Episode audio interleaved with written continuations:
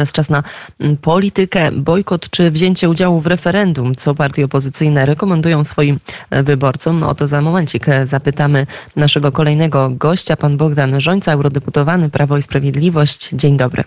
Dzień dobry, witam Państwa, pozdrawiam. Jeszcze z urlopu. I... O proszę, jeszcze z urlopu. To może nie będę dopytywać, gdzie konkretnie pan jest, ale możemy zdradzić słuchaczom Radia Wnet, jaka pogoda? Pogoda e, ładna, a jestem no, w Warszawie.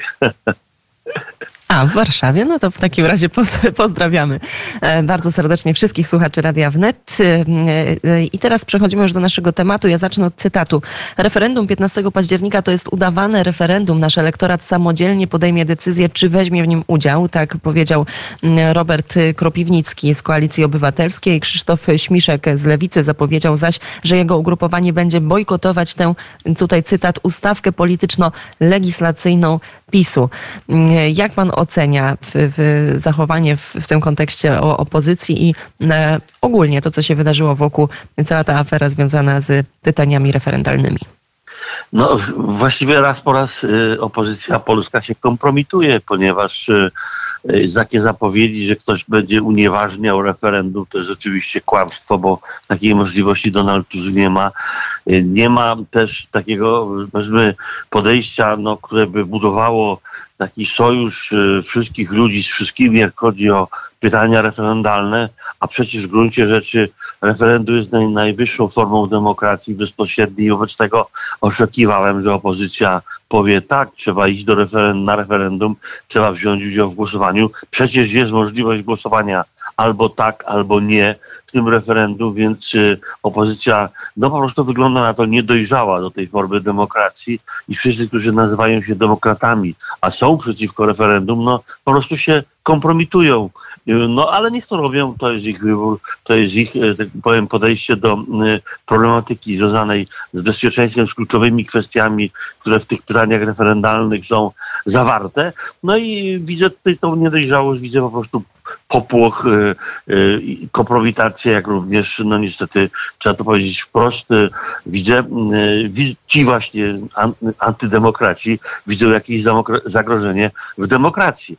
No więc myślę, że wyborcy to odpowiednio ocenią. Nie będę tutaj się wysilał, żeby analizować poszczególne powiedzmy, kwestie poruszane w referendum. Powiem tylko tyle, że Jestem bardzo mocno zdziwiony takim właśnie, a nie innym podejściem polskiej opozycji do y, kwestii demokracji bezpośredniej. No ale e, Zjednoczona Prawica wie, co robi, y, Polacy są poinformowani o pytaniach referendalnych i Polacy zdecydują kartką wyborczą co do, co do frekwencji, jak i również co do tych pytań, które zostały w, w tym referendum, czy będą w tym referendum stawiane. A pytania są absolutnie istotne z punktu widzenia po prostu codziennego funkcjonowania państwa. Mowa tu i o granicy, o bezpieczeństwie na granicy, mowa o majątku narodowym, a więc mowa o tym, co wiąże się z naszą codziennością, kto mieszka w następnej klatce za płotem, czy na innej działce, kto e, z nami e, uczestniczy w życiu społecznym, w podróżach, e, czy jesteśmy bezpieczni, czy nie. To wszystko jest po prostu w tym referendum uwzględnione i ogromnie się dziwię, że tak opozycja polska postępuje. Być może jeszcze zrewiduje swoje postępowanie, no ale na razie jedna wielka kompromitacja. O tych wyborach mówi się, że to są naprawdę najważniejsze wybory ostatnich e, czasów e, i też w bardzo no, kluczowym i trudnym tak naprawdę dla Polski momencie, bo cały czas musimy pamiętać właśnie o kwestiach e, bezpieczeństwa. Pytanie, czy podczas całej tej kampanii wyborczej te najważniejsze rzeczy nie zejdą na dalszy plan, bo my już to dzisiaj obserwujemy. Widzimy tak naprawdę, że i kwestie Wojska Polskiego, zakupów sprzętu, mieliśmy ostatnio przecież ogromną defiladę i po niej też cały szereg komentarzy i tutaj polityków z obu stron e, i, i, i po stronie gdzieś szeroko rozumianej prawicy, a także e, lewicy. Czy te ważne rzeczy nie zajdą jednak na dalszy plan? A Polska przecież też jest narażona teraz na i ataki hybrydowe e, i, i tak naprawdę czy nie, czy, czy nie powinniśmy my wszyscy, mówię tutaj jako i społeczeństwo, ale przede wszystkim politycy, spróbować wynieść się trochę ponad to? No w sytuacji zagrożenia, a, a, rzeczywiście z czymś takim mamy do czynienia, zwykle społeczeństwo każde, każdego państwa, każdego kraju, e, raczej społeczeństwo się konsolidowało wokół tych zagrożeń. A my tu widzimy w tej chwili no, próbę takiego lekceważenia tego zagrożenia. No, jeśli, jeśli lekceważy się powiedzmy Wagnerowców, którzy są tuż za granicą e, Polski, jeśli nie, nie, oś, ktoś próbuje ośmieszać zakupy broni, amunicji, e, technizację e, polskiej armii, no to ten właśnie ktoś no, kompromituje się.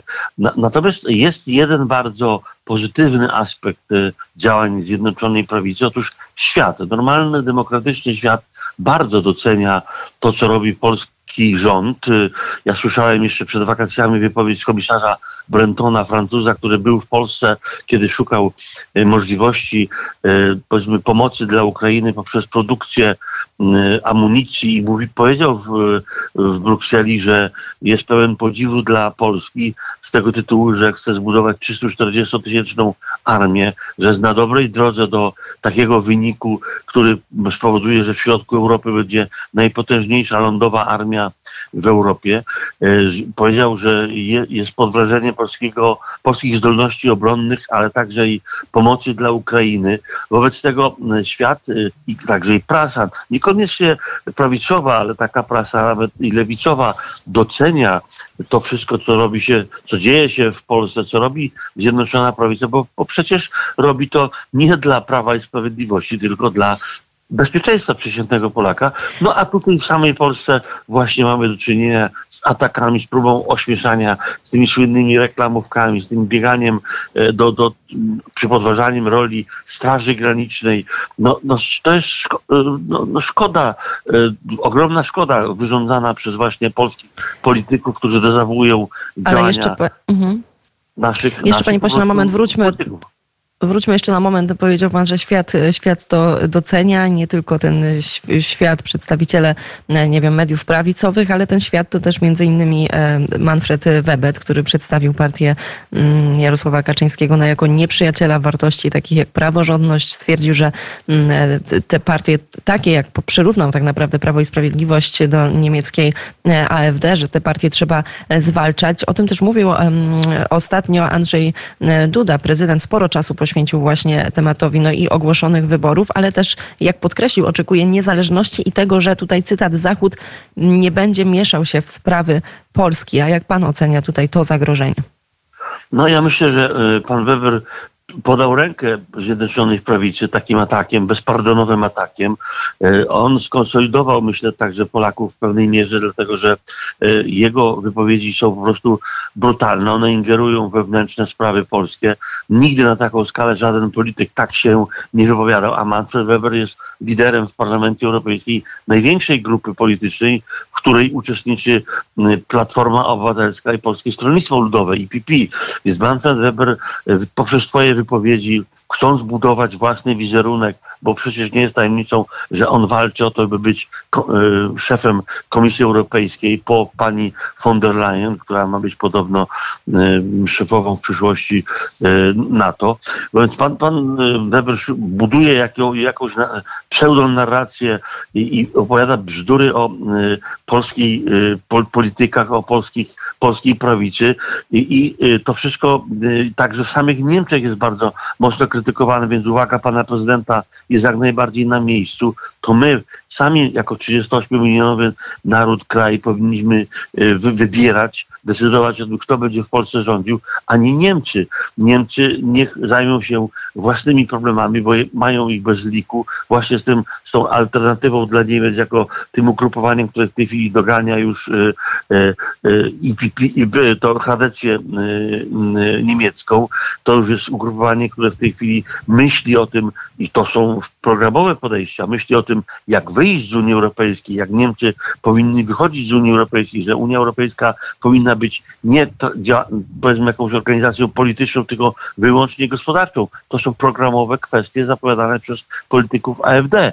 Więc niech się pan Weber zajmie problemami niemieckimi, zostawi w spokoju Zjednoczoną Prawicę, będzie to lepiej i dla niego, i dla Polski, a krytyka pana Webera jest jak najbardziej na miejscu. Uważam, że jako polityk, który już tyle lat funkcjonuje na arenie międzynarodowej, po prostu chciał pomóc Donaldowi Tuskowi wymyślić hasła ulica i zagranica, no ale skonsolidował Polaków do moim zdaniem jeszcze bardziej no, takich działań, które będą miały na celu zabezpieczenie siły państwa polskiego na arenie międzynarodowej.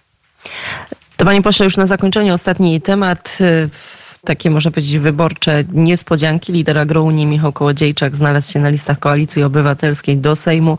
Jedynka w Koninie to osobista inicjatywa Donalda Tuska. Jak pan skomentuje tę sprawę? No, czyli włączenie, znaczy to jest następny odcinek resetu, powiedzmy w relacjach polsko-rosyjskich. Donald Tusk dobrze wiedział, skąd wywodzi się pan Michał Kołodziejczak, które siły, tak powiem, reprezentuje, że jest powiązany z Moskwą, to jest pewne i teraz jego włączenie w kampanię Platformy Obywatelskiej przyniesie same kłopoty, problemy Donaldowi Tuskowi, no ale niech to robi. Jest to co najmniej dziwaczne, co robi Donald Tusk i z panem Kołodziejczakiem na pewno tych wyborów nie wygrają. Polacy są mądrym narodem, będą wybierać takich ludzi, którzy po prostu chcą zbudować bezpieczną przyszłość, przyszłość na naszej ojczyzny. Powiedział pan, podkreślił pan, że Polacy to mądrzy ludzie i na pewno to dotyczy także właśnie mieszkańców tych małych miejscowości, mieszkańców wsi. Dzisiaj mówi się tak, że Agrounia straciła rację bytu jako ta partia oddolna, partia niezależna, że ta decyzja no, o tym politycznym mariażu z Koalicją Obywatelską tak naprawdę zabiła ten, ten byt, jaki do tej pory obserwowaliśmy. Z drugiej strony no, wieś też trochę czuje się oszukana i przez Prawo i Sprawiedliwość, bo takie głosy też do nas docierają. Wiemy, że sytuacja jest bardzo trudna i mamy kwestię ukraińskiego zboża. Pytanie, czy uważa pan, że Prawo i Sprawiedliwość zdoła odzyskać mimo wszystko jeszcze głosy, głosy wsi, czy może jednak pójdą oni za, tutaj pewnie już no nie za Kołodziejczakiem, bo to nie jest żaden charyzmatyczny lider polityczny, ale że pójdą przeciwko jednak partii rządzącej. No rzeczywiście mamy rację. Tro, trochę błędów y, moi koledzy z, wobec polskiej wsi zrobili, no ale i, i, i odzyskujemy ten elektorat, staramy się to wszystko naprawić. Nie mówimy, że jesteśmy święci, bo te błędy się zdarzają, ale najważniejsze jest to, żeby przyznawać się do błędów. Do tego się przyznaliśmy. Teraz staramy się naprawić te błędy, budować takie relacje z polską wsią, które pomogą żyć rolnikom, które pomogą zabezpieczyć ich interesy. I ja myślę, że wszystkie te działania, które robi pan minister Telus jako szef resortu rolnictwa są bardzo, bardzo wiarygodne, prawdziwe i polska wieś zaufa po raz kolejny Prawu i Sprawiedliwości i to będzie z dobrym pożytkiem dla samej wsi, dla Polski, dla rolników, dla mieszkańców wsi i dla wiarygodności polityka, bo też trzeba czasem umieć się po prostu przyznać do błędów i powiedzieć przepraszam, to Prawo i Sprawiedliwość już zrobiło, ta partia naprawdę chce dobra mieszkańców wsi i polskiego rolnictwa, a o to przecież tak naprawdę chodzi we wszystkich działaniach politycznych, żeby wszystkie grupy zawodowe, wszystkie branże czuły się ważne, potrzebne, niezbędne, a w przypadku rolnictwa tak jest. To jest naprawdę istotna część naszych działań. Uważam więc, że możemy liczyć na to, że wieś ponownie nam zaufa, jeśli będziemy robić tak, jak postępujemy w tej chwili, nazywając rzeczy po imieniu i przyznając się do błędów i mówiąc o tym, że chcemy po prostu odzyskać to zaufanie. Powiedział Bogdan Żońca, eurodeputowany Prawo i Sprawiedliwość. Dziękuję za rozmowę. Dziękuję bardzo.